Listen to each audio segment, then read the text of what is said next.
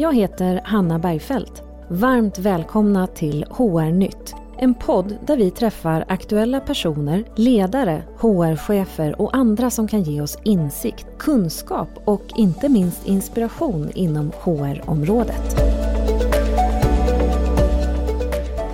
Fredrik Hillelsson började sin framgångsrika karriär inom det militära och har därefter varit personaldirektör på både bland annat Accenture och Investor innan han startade Novare. Fredrik är en spännande profil som ofta uttrycker starka åsikter oavsett om det gäller reskilling eller mångfald, där han bland annat startat Beredskapslyftet. Därför har jag bjudit hit Fredrik idag för att prata om HR. Tack så mycket. Varmt välkommen. Tackar. Vad kul att just du är här. Du har ju en väldigt spännande bakgrund och du har som sagt drivit ett antal intressanta frågor, om, om inte annat väldigt behjärtansvärda mm. frågor som ligger mig varmt om hjärtat. Men idag ska vi prata om HR och eh, din bakgrund börjar vi tänker jag. Mm. Vad var det som gjorde att du kom in på HR från första början? Ja, som, jag tror som, som för många andra människor så var det här berömda bananskalet. Jag jag var officer, var ute i Vaxholm, hade varit där ett antal år och eh, skulle läsa vidare för att bli löjtnant. Men insåg att liksom, kanske lite för kreativ för det militära. Jag är inte särskilt teknisk. Och då av en händelse så satt jag på en buss eh, på väg till någon grej någon fredagkväll. Och då träffade jag några tjejer som pluggade beteendevetenskap på universitetet. Och jag hade inte en aning om den utbildningen. Eh, men det, det, det, var det som gjorde att jag bestämde mig för att jag ville börja läsa, läsa beteendevetenskap på universitetet. Det var några tjejer på en buss i Vaxholm? Nej, inte i Vaxholm. Nej, det var inne i stan faktiskt. Jag bodde inne i stan. Men, men det var det här berömda bananskalet. Jag kände, nej men det där att jobba. Jag har alltid, jag har alltid tyckt om människor. Och jobbar man i det militära så jobbar man hela tiden med människor. Så att, eh, och det är inte så tekniskt det här beteendevetenskapliga. Så det passade mig perfekt. Mm. Så jag började läsa på universitetet. Gjorde det, tog examen 1990. Mm. Och sen har du gjort eh, olika steg i din karriär och tagit olika roller vad jag förstår. Men om du tänker tillbaka på beteendevetenskap, så, vilka delar från, från, eh, från utbildningen och så har du tagit med dig eller har du haft användning för? Kan du se det sådär i backspegeln? Nej, men alltså, jag kommer ihåg 1990 när jag gick ut och jag hade många kompisar från det militära och i mitt umgänge som läste på Handelshögskolan eller KTH. Och så frågar han vad ska du göra? Oh, nej, men jag ska läsa beteendevetenskap. P-linjen heter de, de, Alltså ärligt talat, de skrattar sig nästan harmynta. Men vad, vad, vad är det för tjafs? Vad är det där för mjuk, mjukiskör liksom? Eh, och så var det lite grann för en 20-25 år sedan. Att man tyckte det var liksom något, något svårt att ta på helt enkelt. Det spännande idag tycker jag att, att många av mina vänner och bekanta då, som läste på Handels och KTH de är lite avundsjuka att jag jobbar med människofrågan. Just för de själva tycker att sina, deras karriär är lite tråkiga. Mm. Vad härligt att sitta där på andra sidan och, och se. Det, då gäller det att vara lite ödmjuk och inte, och inte, liksom, inte vara, vara elak tillbaka. Men, nej, men min uppfattning är att jobbar man med HR-frågor eller people-frågor.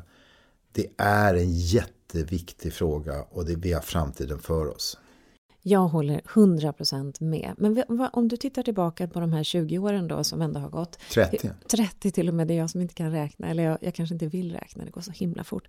Men du, om vi tittar tillbaka på de här 30 åren och, och den utveckling som just HR har gjort. Mm. Vad tycker du att, att HR eh, kanske som skrå då i så fall har tagit för steg? Eller vilken utveckling som Nej, men, alltså, jag har aldrig känt att jag som HR-människa måste slåss för mitt berättigande. Eh, jag har i och för sig fått jobb där jag inte suttit i ledningsgruppen initialt och jag har aldrig liksom bitchat om att jag måste sitta där utan jag har sagt att jag är bra ifrån mig så kommer jag hamna i ledningsgruppen. Så var när jag började på Investor. Det tog mig två eller tre år så satt jag i ledningsgruppen. Eh, jag brukar säga så att alltså, HR-frågor i, framförallt i Sverige fick ju det stora uppsvinget i samband med 70-talets olika lagar kring LAS och MBL och allt vad det är. Viktiga frågor. Samtidigt så gjorde det kanske att HR blev lite polisorganisation. Eh, och de som fortfarande är kvar i det skrået, så att säga, eller det tänket, har ju inte riktigt framtiden för sig. Men däremot så märker jag när jag rekryterar, och vilket jag gör dagarna ändan, så säger en progressiv vd att jag vill ha en stark CFO på min högra sida så vill jag ha en stark affärsmässig HR-direktör på min vänstra sida. HR-frågorna idag är affärsfrågor. Vad är det som har gjort att det har blivit så tror du? Att den allting, hand, allting handlar om människor. Mm. Nej, men jag håller med till 100 procent. Men om du, om du skulle ge något tips då för någon som är lite tidigare i sin karriär och kanske har fastnat i det här polisfacket eller administratörsfacket eller vad det nu kan vara för någonting. När man sitter och eh, kreerar arbetsmiljöpolicys och, och sånt hela dagarna. Vad, hur ska man ta sig fram då? Nej, men jag, alltså för det första är så att jag menar, HR är ju ett hantverk. Precis som det är ett hantverk att vara ekonom eller det är ett hantverk att vara ingenjör det är lite svårare kanske att prata om vårt hantverk för att det är ju någonting ganska allmängiltigt. Vem som helst kan tycka att man är duktig på att attrahera, utveckla, behålla, avveckla människor. Det är ju inte liksom, det är, inte, det är, det är, det är lite grann av en generisk kompetens. Samtidigt så att börjar man som 25-åring ungefär som man börjar som 25-åring på, som revisor eller revisorsassistent så måste man ju lära sig hantverket. Så att börja jobba med ordning och reda, struktur, processer, gör det ett antal år. Och sen får du ju bestämma om du tycker det är jättekul och då blir du en specialist eller om du vill bredda dig. Men du vet, jag har träffat 27-åringar som har jobbat med rekrytering i två år som säger, men nu kan jag rekrytera, nu ska jag jobba strategiskt. För mig är det bullshit. Jag har jobbat 32 år med rekrytering, jag lär mig saker och ting varje dag. Man måste vara lite uthållig.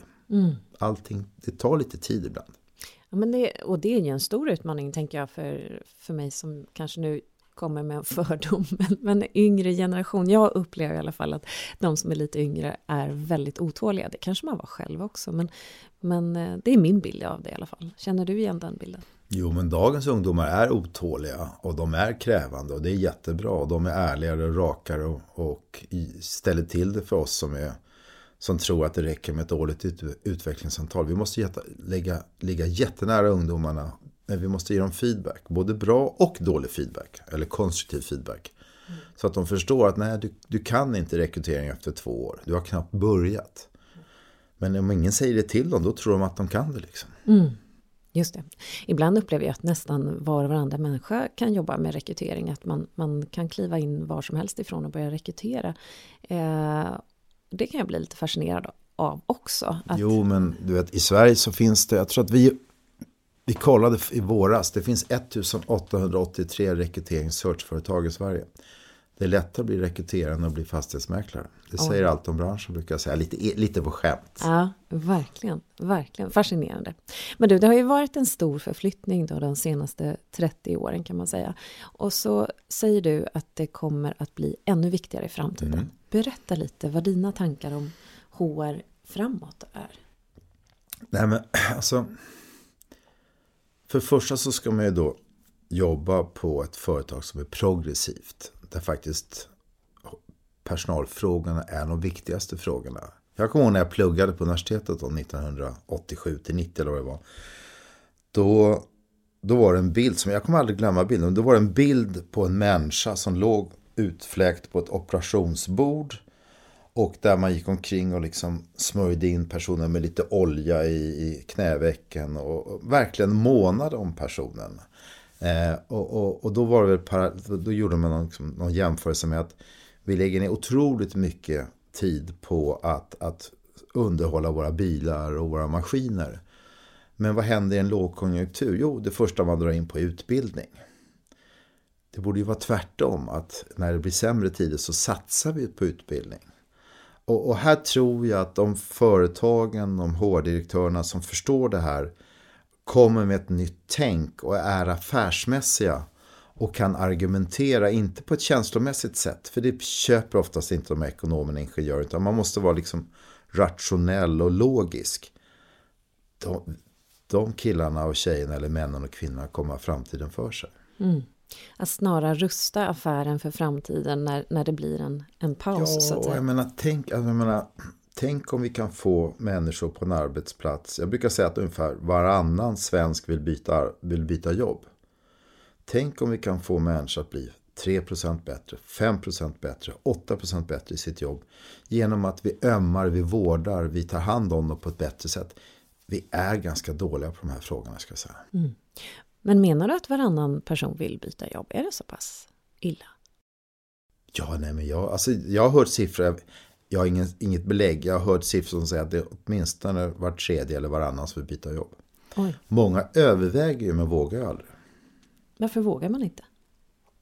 Man vet vad man har men man vet inte vad man får. Förändring är jobbigt. Nej, men jag menar, det pandemin har ju inneburit att många människor har ju bestämt sig för att göra andra saker. Ja, men berätta lite om hur, hur ni har jobbat med det i beredskapslyftet.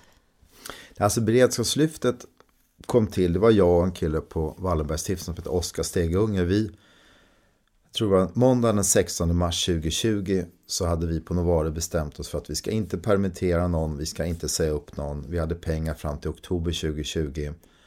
Samma dag som vi gick ut med det här budskapet som blev oerhört positivt på vårt företag så ringde Oskar och frågade om vi inte kunde göra någonting med SAS-anställda som var uppsagda. Och då på en två veckor så lyckades vi mobilisera, rekrytera 300 SAS-kabinanställda som snabbutbildades via Sofiahemmet och gick ut i vården. Och då föddes det här som idag heter Beredskapslyftet. Så vi gjorde massa aktiviteter under pandemin med att mobilisera sjuksköterskor från näringslivet som jobbade extra på sjukhusen. Och vi gjorde flera olika aktiviteter. Och nu sen, 20, sen i mars 2020 så jobbar jag jättemycket med att hjälpa Ukraina i Sverige. Mm -hmm. På vilket så, sätt hjälper ni dem?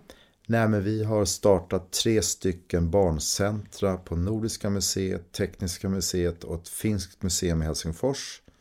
Där totalt mer än 500 barn har fått ukrainsk skola innan de har kommit in i svensk skola. Svensk skola har varit fantastisk. 80% av de ukrainska barnen idag går i svensk skola. Stor eloge till svenska skolan. Och sen har vi rekryterat ut snart över 150 ukrainare i riktiga jobb.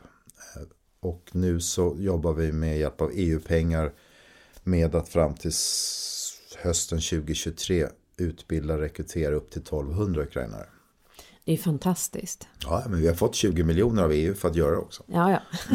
men, men det är ju ändå en, en otroligt bra insats. Både eh, den här delen kopplat till pandemin och eh, uppsagda flygvärdinnor. Eh, mm. till... Nej, men den, den, alltså, och, och det är klart att där, där är det intressant då med HR-chefer. Jag, när jag ringer en vd eller en HR-chef, det tar mig ungefär 7-8 sekunder att höra om de är på bollen på en gång eller, vilket de flesta gör, börja problematisera. Mm. Här skulle jag ibland önska att HR-chefer var lite modigare och lite oräddare och inte så att säga biter sig fast och, och börjar problematisera. Just det. Lite mer growth mindset till HR-cheferna. Ja, det, låter, det var ett fint ord, alldeles utmärkt. Se lite mer möjligheter, inte ja. bara tänka eh, alla hinder direkt. Mm. Nej, men ta ett så här konkret grej. Vi har lyckats med ukrainarna därför att det är en sån enormt positiv uppslutning kring ukrainska folket att vi just nu kör för restaurang och hotell en utbildning som vi kallar för Hospitality English. Där de lär sig ett par hundra ord för att sen kunna få jobb på hotell och restaurang. Om det då är en, och då frågar vi flera hotell och restaurang. Räcker om vi lär dem lite engelska för att kunna servera? Absolut. Och om det är så att vi inte har någonting emot att liksom prata engelska när vi beställer mat på restauranger så bör vi kunna ha samma tänk på flera andra arbetsplatser. Och det är ju faktiskt så att när man väl börjar jobba någonstans så lär man sig språket. Men säger vi att alla måste prata felfri svenska, ja då får vi inte ut några nyanlända jobb i det här landet. Och där har HR-chefer ett jätteansvar, och facken. Mm. Verkligen, verkligen. Men det är otroligt bra initiativ. Det är inspirerande att, att mm. höra. Eh, och när du pratade med några HR-chefer som problematiserade, vilka problem såg de eller lyfte de då? De pratar inte språket. Nej, okay. Hur ska vi göra med deras försäkringar? Eh, alltså det, det, man ser bara problemen istället för att se möjligheterna. Men som sagt, efter 7-8 sekunder, jag, jag, har varit så fräck så då kan, vet du vad? Vi skippar det här. Det är ingen idé att prata med dig. Det är som att prata med en vägg. Men det var samma sak med politiker och, och tjänstemän också. Vissa vågar och de flesta vågar inte. Nej. Och här måste Sverige bli modigare. Ja, verkligen. Jag håller med. Finns det fler modiga beslut som du har tagit i din karriär? Ja, jag har fattat massa modiga och dumma och korkade beslut. Jag, jag har inga problem att fatta beslut snabbt och sen är det lätt att om, ompröva beslutet om någon säger att det var fel. Mm. Om, bes, ombesluta eh, hörde jag någon som sa. Jag vet inte om mm. det är ett svenskt ord men det är ett väldigt bra ord. Mm. Eh. Ja, det är jag jätteduktig på. Men, och det är väl också så att jag tror att där, där tror jag också att många HR-människor i sin seriositet vill överarbeta saker och ting. Så att man ska lägga en fantastisk plan för utvecklingssamtalsprocessen och man arbetar över en 120 procent. Istället för att säga vi kör på 80 och sen korrigerar vi utefter vägen. Just det. Lite, lite agilt sätt som också har varit modernt att, att prata om. Ja, och när det gäller hela det här beredskapslyftet bygger på piloter. Vi körde 30 SAS-anställda, gjorde korrigeringar, förädlade utbildningen och så rullade vi på. Och jag tror redan efter andra omgången så hade vi nästan 60 SAS-anställda och tredje gången hade vi 90. Så att kör små piloter, var, var flexibel, prestigelös, rätta till. Istället för som jag tycker staten oftast gör och, och många myndigheter att nu ska vi skapa jobb åt 10 000 människor. Så brukar jag säga på den höjd så blir det 183 jobb. Liksom. Mm. Så det är ett annat synsätt. Verkligen, verkligen. Men kan du dela med dig av någon gång när du har tagit ett beslut och så har det inte gått så bra? Finns det, finns det sådana som är möjliga att, att dra upp i offentlighetens ljus? Alltså ja, ja för sen tre år sedan så fattade jag ett beslut om att två Novare-bolag, ett searchbolag och ett executive searchbolag, eh, att de två bolagen skulle vi slå ihop till ett bolag. Eh, jag märkte att det var en ovilja internt och jag körde över alla mina anställda och skickade ett mail med versaler och bara sa att jag, jag bryr mig inte vad ni säger, nu gör vi på följande sätt. Eh, och sättet jag gjorde det på var extremt klantigt, extremt okänsligt. Eh, och jag fick mycket kritik för sättet. Men jag bara kände att ska jag sitta och hålla på och prata om det här ett halvår så kommer jag aldrig göra det. Så vi gjorde det och det har blivit hur bra som helst. Mm. Men sättet jag gjorde det på var jättekorkat. Mm. Var, var, var det lite i affekt då när du ska göra alla de där versalerna eller vad hände? Ja, nej, jag, det är klart att jag ibland hamnar i affekt. Nej, jag var mera bara att alla problematiserade, det kom sådär. Och jag bara tänkte, jag skiter i det, nu kör vi bara. Ja. Och så rättar vi till det. Men det, just, det blev bra, men, men det var ett korkat sätt att göra det var ett korkat sätt. Vad fick du för eh, liksom, respons från eh, anställda efteråt? Fredrik, sättet du gjorde det på, nej, det där var inget bra. Men det har ju faktiskt blivit bra. Ja, vad skönt. Jag var till och med mina äldre barn hörde från sina polare på Novare att sättet, och så skickade han ut ett mejl med versaler. Så jag, jag brukar även bli tra trackad på familjebordet där. Ah, okay. ah, Men ibland måste man bara fatta ett beslut. För att här tror jag också att vi har en tendens att saker och ting tar för lång tid. Jag är otålig och ibland måste man bara fatta beslut. Mm. Fatta, fatta beslut och var modig. Det är liksom någonting som jag känner att du står för väldigt, väldigt tydligt. Mm. Ehm, och jag, jag hör ju att du har tagit modiga beslut. Du har också tagit några lite eh, tillvägagångssätt som inte blev helt genomtänkta kanske då. Eh, men jag har varit med och sparkat folk där jag liksom tappat tålamodet några enstaka gånger och, och jag skäms över att jag inte kunde hålla mig lugn i situationen. Mm. Så att, ja men det är klart alltså. Och jag har varit med och gjort rekryteringar där, där, där jag känt att det här kommer inte bli bra. Och, och, och personen fick sparken efter nio månader. Och jag menar, det roliga är att alla de här misstagen man har gjort, de tänker man ju på varje dag. Gör du det? Absolut. Vad, vad tänker du då? Jag, jag på, äh, en av de värsta grejerna var att jag tog någon referenssamtal för 10-15 år sedan. Och det gick åt helvete med den personen som fick jobbet. Och så ringde jag tillbaka till en av de här personerna som hade pratat med Fredrik. Du hade ju redan bestämt det. Du lyssnar ju inte på vad jag sa mellan raderna. Mm. Så det har gjort att jag exempelvis när det gäller referenssamtal så låter jag oftast andra kollegor ta referenssamtalen ibland. För jag vet att jag, jag kan bli lite för målfokuserad där. Mm. Så att, men jag tänker på det hela tiden. Att, så att det inte ska upprepas. Nej, men, och det är jättebra för jag brukar ställa den frågan i den här podden om misstag. För jag tror så otroligt mycket på att eh, våga göra misstag men också att lära sig av både sina ja, egna och ja. andras. Oh, ja. eh, så jag tror du har en bra poäng där att eh, kanske reflektera kring till exempel när man tar referenser. att det kanske inte är samma person som ska... Nej, men vi har faktiskt en, en kollega, Ingrid Svensson heter hon på Novara. Hon är otroligt duktig på att ta referenssamtal. Mm. Så att hon hjälper mig jätteofta och jag är så glad för det. Ja, vad bra. Ska man ta referenser då, om vi kommer in på det? Jag, Absolut. Ja, berätta varför ska man det? Nej men man ska ta referenser men man ska vara medveten om att den man pratar med måste förstå varför är personen referensgivare. Och sen brukar jag alltid säga, vilket jag verkligen tycker är jätteviktigt, det är att kvinnor får alltid spretigare omdömen än männen.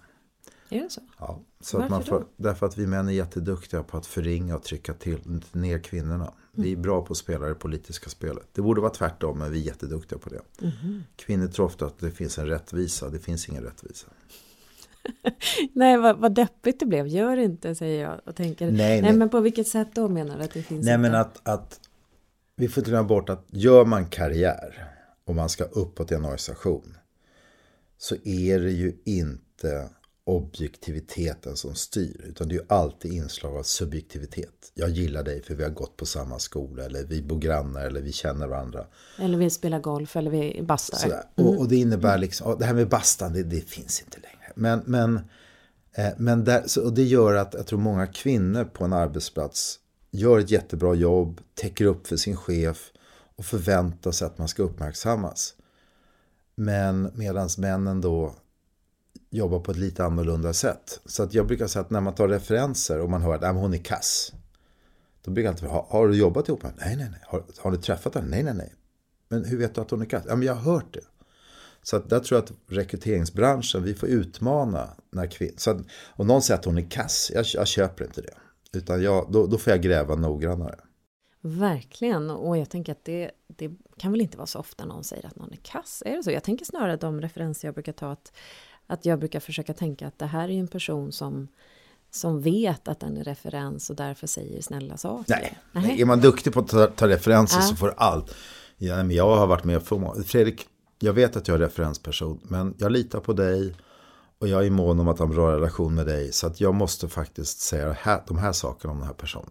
Mm. Nej, nej, alltså det här, nej, nej. Är man skicklig på att ta referenser så kan man få fram både det ena och det andra. Vad bra. Men det är jag uppenbart inte. Vilken tur att jag gör det så sällan. Nu har du lärt dig något. Nu har jag lärt mig, nu har jag lärt mig något. Jag måste gå i skola där tror jag. Men du, apropå referenser, vi ska inte fastna där så mycket längre. Men jag är ändå nyfiken på, hur ser du på informella referenser?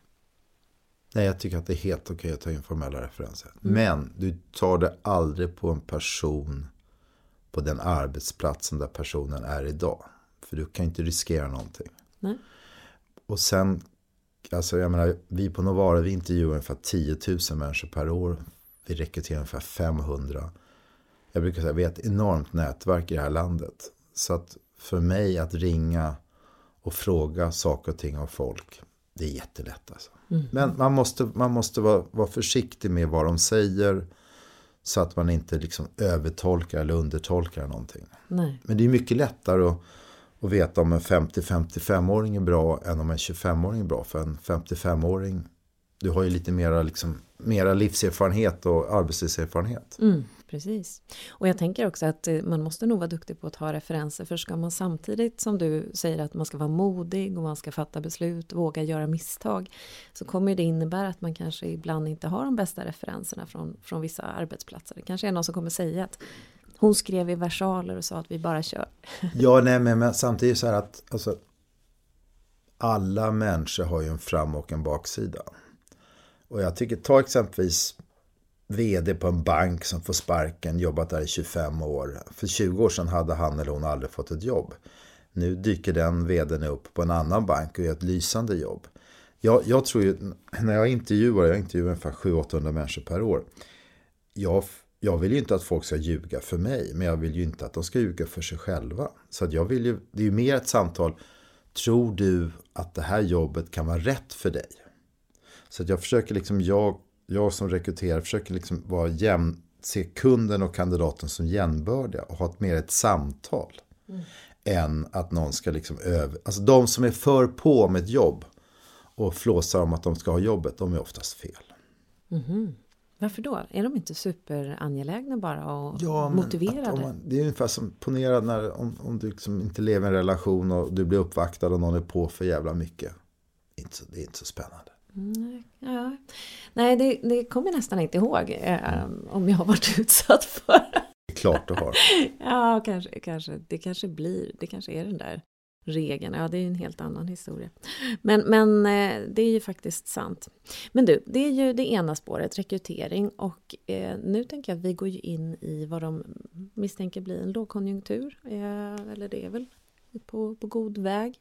Härliga tider. Är det härliga tider för rekryteringsbranschen? Nej, alltså, nej, det är klart att det inte är härliga tider för att eh, människor som blir av med sina jobb, det är ju fruktansvärt. Eh, så att det är inte härliga tider. Men man kan väl säga, alltså, det är ungefär av fem miljoner svenskar som jobbar så, så, så, jag har hört siffror som säger att det är ungefär 800 till en miljon personer som byter jobb varje år. Alltså det kan både vara internt och externt. Och det är bra för vår bransch, för vi är en transaktionsbransch. Vad som händer i sämre tider om det går från en miljon till 800 000. Då, jag har försökt säga att mantra 22 år på Novara att vi, ärligt talat, vi ska inte bry oss om, vi ska inte bli fångade av konjunkturer. Utan vi ska alltid kunna göra 500 och sen växa varje år med, så att vi gör 550 rekryteringar per år.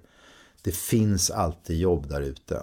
Så att de som sätter sig ner på rumpan och bara hoppas på att lågkonjunkturen ska blåsa över. De kommer vara jätteförlorare. Men de som ser möjligheten att aktivera sig, få igång säljet och det ena med det andra. De kommer gå ännu starkare ur det här. Så det var det, var det jag menar med härliga tider. Jag är helt övertygad om att vi kommer gå ur den här krisen, som jag tror blir ganska kort, starkare när vi gick in i den. Ja, vad bra. Annars är jag rätt övertygad om att ni kommer hitta ett eh, alternativ. Så gör ni helt plötsligt något helt annat eller vad det nu kan vara för någonting. Ja, det verkar ju som att ni... Ja, det kanske, men det är, det är väl fördelen. Det var kanske enda positiva med åtta år i militär. Att man har lärt sig att, att man måste agera. Mm. Att bara sitta ner och vänta, det, det går inte. Nej. Man kan, aldrig, man kan aldrig bromsa, vad är det de säger? Man kan aldrig bromsa sig upp för en uppförsbacke. Nej, det är något annat man säger. Men jag, jag, jag förstår vad du menar. det är något annat mm. talesätt som jag mm. tänkte på häromdagen när det var så isigt på gatorna. Ja, jag förstår. Men då, då har vi pratat lite grann om HR historiskt, där vi pratar om den här polismyndigheten som sitter med policies och, och lagar och regler. Vilket i och för sig är viktigt, men det är inte det, det enda man håller på med. Nej, jag håller med om att det är viktigt. Jag brukar eh, säga till yngre som pluggar eh, PAU eller mm. P-linjen eller vad det nu heter att, eh, att ha basen i arbetsrätt är så viktigt för att vara trygg i den gör att man också kan komma fram på ett annat sätt. Om man bara baserar sin kunskap på de här väldigt mjuka ämnena då har man det lite, lite mer utmanande. Det är i alla fall min bild. Eh, men, men oavsett det, där, där, har vi historien lite grann och så pratar vi framtiden.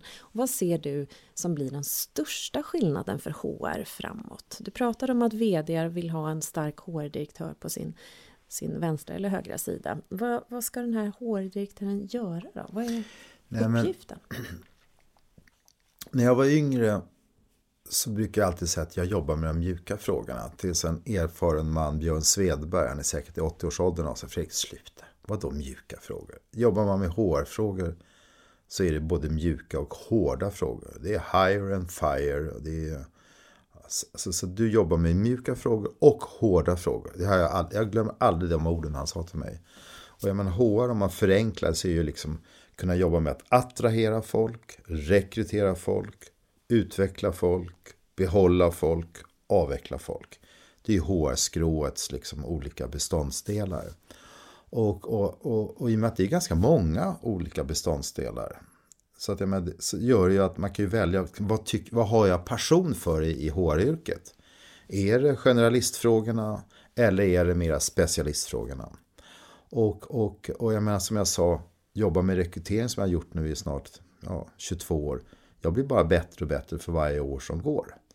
Eh, så att där måste man ju välja liksom vad man vill göra. Och, och jag är ju oerhört positiv om frågorna därför att vi har vi jobbar otroligt lite med att få folk att bli bättre i sina jobb. Mm. Och de som kommer liksom lyckas med det kommer vara supervinnarna. Liksom. Mm. Och vad skulle du säga till de, till de kanske företagsledare eller vd som sitter där ute och eh, inte har tagit in HR i sin organisation utan känner att det här är frågor som vi kan hantera själva? Eller? Ja, nej, det är väl upp till, är de nöjda med det och tycker HR är, är tjafs och inte ger något värde? Men så, så fine, så, så, och jag har ingen aning om det är så att de företagen går bättre eller sämre eh, än de som har HR. Men, men för att vara en eftertraktad HR-chef idag så måste du ha ett affärsintresse. Du måste läsa Dagens Industri varje dag för att hålla med ajour vad som händer. Du måste läsa facktidningar. Du måste ha, är du bara intresserad av HR-frågorna och inte kan prata om annat på ledningsgruppen, då, har du, då är det svårare för dig att uppfattas som en, att du sitter på höger eller vänstra sidan. Jag håller med och jag mm. tänker generellt att, en, att vara en del av en ledningsgrupp är ju så mycket mer än att representera bara sin avdelning. Mm. Mm. Det tycker jag man märker ganska ofta att det blir liksom ett avrapporteringsforum mm. istället. Vi har mm. pratat om det i någon tidigare podd. Men eh, hur viktigt det blir att ta ansvar som ledningsgrupp för hela bolaget. Mm. Det, det slås jag av ibland när jag möter olika kunder att det är väldigt få som jobbar så. Utan man, man avrapporterar ja, sin nej, men... del och nu gör HR det här och ekonomi gör det där. Nej, men inte att man kopplar ihop Absolut. det. Och jag brukar fråga, när jag gör en vd-uppdrag så brukar jag fråga ledningsgruppen, liksom, nuvarande vd, kör han med hela ledningsgruppen ihop eller jobbar han mot er liksom en, en och en? Och det är oerhört ofta de ja, en och en. Mm. Mm. Men de som jobbar med hela ledningsgruppen och den här vi-känslan, det är en enorm kraft. Utmaningen med ett sånt gäng, det är att det kan bli lite klubben för inbördes. Och att de är jätteduktiga, jättetajta. Men mellancheferna känner sig att de inte är med. Mm. Så att det finns risker med det här också, de här tajta ledningsgrupperna där det är så högt i tak. Liksom. Just det, men hur ska man göra då, då för att involvera ledet därunder? som du ser det? Överinformera. Jag tror pandemin har lärt oss att det här med information och kommunikation är jätteviktigt. Så, alltså, vi ser ju en tendens att HR-direktörer även får kommunikationsdirektörsansvaret eller tvärtom. Mm. Eh, och det tror jag är jättepositivt. Mm. Kommunikation går så nära att, eh, ihop med eh, medarbetarupplevelsen skulle jag också hålla, mm. hålla med om, verkligen. Eh, och jag tror på det du säger, att det kan säkert bli att eh, man, man, får en klubb för inbördes beundran. Men eh, det känns ändå lättare att ha det så och att därefter involvera än att ha en ledningsgrupp som är helt separata silos i alla fall. Sen, sen gäller det ju alltid att ha någon i ledningsgruppen som är jobbig och ser saker och ting på ett annorlunda sätt och vågar ifrågasätta. Jag har en sån kollega i vår ledning som är oerhört bra att ha. Vår COO David Lindqvist. Han vågar ifrågasätta saker och ting och det är jag så glad för. Är du det? Ja. Blir du inte provocerad sådär så att du vill skriva i versaler? Nej. Nej. Och han kan ibland Fredrik, bli inte arg nu. Och då, då vet du vad som är på gång? Ja, men då blir jag inte arg i och med att han säger det till mig. Mm. Nej, nej. Så att, nej, men, han, nej, men det funkar. Det, det är jättebra att ha en pendang till en själv. Liksom. Ja, och vad gör han då rent krasst om man vill ja, Han är rationell, han är logisk. Det var några år sedan när vi ville, jag tyckte, äh, vi säljer ett av våra bolag. Bara, bara, nej, vi ska behålla det. Och han argumenterar för det. Och jag är så glad för att vi gjorde det. Mm. Är du lite mer känslostyrd? Kan Absolut. Man säga? Så, så förutom att han, David hette han så, mm. verkar vara en fantastisk person kan man snarare se att man ska försöka hitta sin motsats, lite kompletterande egenskaper för att säkerställa att man blir bättre tillsammans. Det tror jag är jätteviktigt. Mm. Det är ju så tråkigt att se alla partiledare som bara omger sig med en massa ja-sägare exempelvis. Ja, det kan ju vara lite härligt i och för sig. Eller? Ja, ett tag. jag skojar bara. Jag tror faktiskt inte man mm. kommer, kommer vidare. Det kan Nej. ju bli en härlig, härlig stämning men man kommer kanske inte så mycket framåt. Nej. Och apropå framåt, vad, vad står på agendan för dig framåt den närmsta tiden? Hmm. Nej, men jag har precis fyllt 60 och jag har sagt till mina medarbetare att jag kommer köra tills jag är 70. Och sen var jag förra veckan så var jag på ett styrelsemöte i London för vi Novare är med ett internationellt, globalt nätverk av searchfirmor och då träffade jag grundaren från det amerikanska bolaget som grundade bolag 74. Hon är 82. Så tänkte jag, hmm. Där fick jag mig en tankeställare. Hur länge man ska hålla på. Det kanske kan köra på ett tag till. Nej, Nej men jag tror, alltså, för 20 år sedan då skulle alla gå i pension när man var 60. Mm. Nu är det inte så länge, tack och lov. Och det är något positivt som jag också ser i vårt skrå. Det är ju att den här åldersfascismen börjar försvinna mer och mer. Gör den det? Det kanske beror på att jag själv är 60. Ja, men det, det kan ju hänga ihop tänker jag. Men berätta, vad, på vilket sätt ser Nej, du en, en skillnad? En 60-åring idag är mycket fräschare än för 20 år sedan. Mm. Och jag tror att många insett det här med att, att, att gå i pension. Vad, vad ska man göra då? Sen har jag respekt för att har man haft en undersköterska eller någon som har jobbat på ett lager och, och kroppen är, är sönder. De ska gå i pension tidigt och de ska ha en dräglig pension tycker jag. Och vi ska differentiera pensionerna och inte den här gudomliga rättvisan. Det tycker jag är självklart. Men har man tjänstemannajobb så man kan hålla på länge. Så länge man liksom är pigg i skallen. Och jag tror man är pigg i skallen genom att jobba. Liksom. Mm. Jag håller med. Även om man ibland kan känna att vad härligt det skulle vara att, att gå i pension. Men, men jag tror faktiskt precis som du upplever också att... Men jag tror att älskar man sitt jobb då vill man jobba kvar längre. Mm. Det är helt sant. Mm. Samtidigt som du sa att du tror att ungefär varannan person vill byta jobb. Så då kan man ju ha en hypotes om att ungefär varannan person inte älskar sitt jobb. Mm. Det är ju lite sorgligt när man tänker ja, på det så. Där, visst är det och, och jag menar, det är ju alltid, alltså, jag, min erfarenhet är tyvärr att stat, kommun, region är en sämre arbetsgivare än näringslivet. På vilket sätt är de det? Därför jag tror att de är många är felorganiserade. Mm. En chef har 48 medarbetare, det är ju hål i huvudet. Man ska ha max 8-10. Mm. Så att jag tror att många vill byta jobb därför att de vantrivs på grund av det dåliga ledarskapet. Och det är det jag menar att det är också en framtidsfråga. Kan vi få chefer att bli bättre chefer? Och min erfarenhet är att 70-talister, 80-talister är bättre chefer än jag som 60-talister. För många människor idag har ett mycket, mycket större people-intresse än vad min generation har haft. Mm. Så trenden är positiv. Trenden är positiv, men det gäller att få förutsättningarna då för att man ska kunna göra ett bra jobb. Ja, men hur ska man kunna vara chef om man har 48 direktrapporterande? Ja, det går. Eller, jag har testat det ibland när jag har hållit föredrag. Typ på skolan och då räcker hälften upp handen. Ja, nej, jag har 25 medarbetare. Klart att det blir dåligt då. Ja, det är klart att det blir dåligt. Men det tänker jag ganska ofta att, att människan är ju så pass grundläggande då. Man, man vill bli sedd och man vill känna att man får bekräftelse när man gör någonting bra och man vill att ens chef ska vara intresserad av en. Det är, det är ganska basic. Eh, har man då 48 medarbetare så är det ju ganska osannolikt att man blir just sedd. Jag tänker varje morgon när jag går in på kontoret, jag hälsar på alla. Mm. Det är ganska enkelt. Mm. Tänk de som inte hälsar på någon utan bara går in och sätter sig på sitt, i sitt rum. Det är förvånansvärt många som ändå gör det. Absolut. Och där kan man komma in på något intressant tycker jag. Det blir nästan ett, ett annat avsnitt inser jag nu. Men, men det går ju lätt att koppla ihop med respekt. Och respekt är också en sån här grundläggande känsla som man behöver känna att man får eh, och ger för att man ska trivas på en arbetsplats, tänker jag. Men om jag upplever att jag inte blir hälsad på, då känns det rätt obehagligt. Ja, nej men alltså det bästa, jag tror ju alltså ett, ett, ett skäl till att svenska företag är framgångsrika och vilket gör att jag tror att vi kommer fortsätta vara framgångsrika i förhållande till amerikanska och kinesiska företag. Det är att, att många människor känner en hög tillit och vågar säga nej. Jag kan ge ett konkret exempel. Blir jag, om jag typ idag frågar någon medarbetare, du, skulle du kunna hänga med på det här pitchmötet imorgon klockan 16? Det är en kund som ringde idag. Och personen frågar, nej Fredrik, det går tyvärr inte för att jag ska hämta mina barn på dagis att han eller hon vågar säga det till mig är ju underbart. Blir man lite irriterad i stunden? Nej, inte längre. Därför att det är ju respektlöst av mig att fråga dagen innan. Däremot om jag säger att om två veckor så ska vi gå på en pitch. Nej, det går inte. Jag ska, nej, jo, vet du vad? Du hämtar dina barn 49 veckor varje år. Den här fredagen får du fixa med någon annan.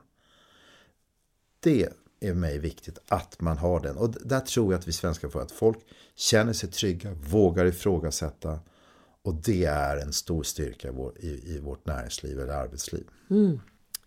Bra, fina slutord tänker jag när vi ska avrunda lite grann. Men det känns som att du eh, fick med slutorden som jag uppfattar representerar ganska mycket av dig. Att båda våga stå upp för vad man tycker och tänker. Eh, att eh, vara modig.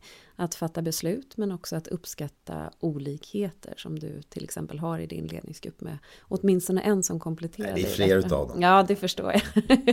det blir snett annars. Men, men eh, en kompletterande person som kan utmana och göra att man fattar, fattar de där besluten mm. på lite bättre grunder då kanske.